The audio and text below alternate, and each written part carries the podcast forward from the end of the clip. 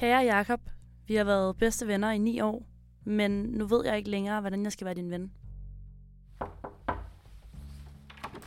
Hej. Nico. Hej, godt at se dig. I lige måde. Jakob sidder inde i stuen. Yes, jeg smutter dig ind.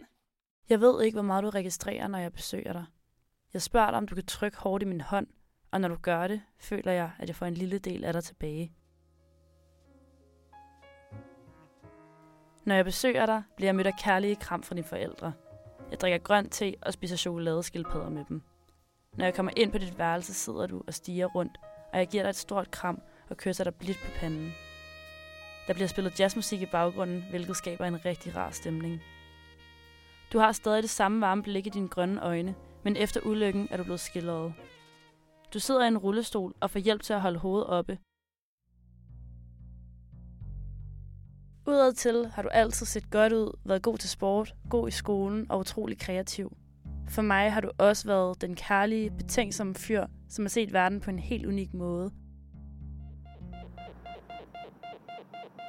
Første gang, jeg besøgte dig efter ulykken, var fuld af håb og optimisme. Jeg tror ikke, jeg forstod, hvad en hjerneskade var, men det eneste, jeg forstod, det var, at du var ude af din koma, og det var jeg så lettet over. Jeg tænkte, nu skal alt nok gå, men jeg tror ikke, jeg havde indset, hvad det ville betyde for dig eller for vores relation fremadrettet. For fire år siden skrev jeg i min dagbog. Jeg lover dig, at jeg kommer og besøger dig så ofte som muligt, og sørger for, at dette løfte bliver overholdt. Det hele skal nok blive godt. Det lover jeg.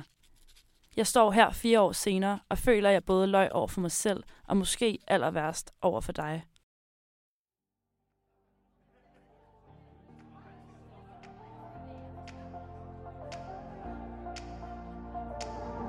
Et af minderne, jeg husker klarest, var til en fest, hvor vi begge for første gang var virkelig fulde.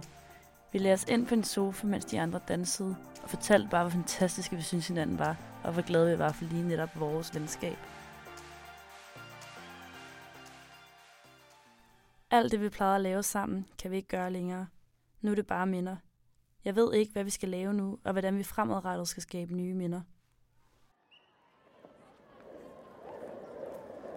I hverdagen pjekkede vi alt for ofte fra fysiktimerne. Vi tog ned på Israels plads for at spise isbjørnis og kigge på skatere. Vi talte ofte om fremtiden, og det er virkelig skræmmende at tænke tilbage på, hvor unge og udødelige vi følte os dengang.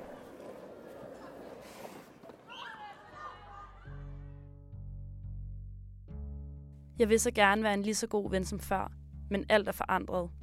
Jeg ved ikke, hvad jeg skal fortælle dig, når vi ses. Jeg kan godt fortælle dig om alle de ting, som er sket de sidste fire år, men du svarer ikke. Du har ingen ord længere, hvilket gør, at jeg taler til dig, men ikke med dig. Siden jeg så dig sidst, så er jeg startet på højskole. Øhm, jeg har radio som A-fag, og det er jeg mega glad for. Så har jeg keramik som D-fag, hvor vi laver sådan nogle lærting. Ja. Højskolen ligger jo i Hillerød, det ved jeg ikke, om jeg fik sagt. Ja. Hver gang jeg har besøgt dig, går jeg grædende fra dig. Jeg ved ikke, hvordan jeg skal være din ven. Jeg ved ikke, hvor ofte jeg skal besøge dig, og jeg går konstant rundt med dårlig samvittighed over ikke at besøge dig nok, selvom jeg ikke ved, hvad nok er. Har du overhovedet brug for mig? Ved du, jeg er her? Og gør jeg en forskel? Jeg har altid set mig selv som værende en rigtig god ven. Men efter ulykken er jeg i tvivl, om jeg er det for dig. For jeg ved ikke, hvordan jeg skal være din ven. Jeg har ikke nogen svar. Jeg har kun spørgsmål. Og jeg ved ikke, hvordan jeg nogensinde skal få svar.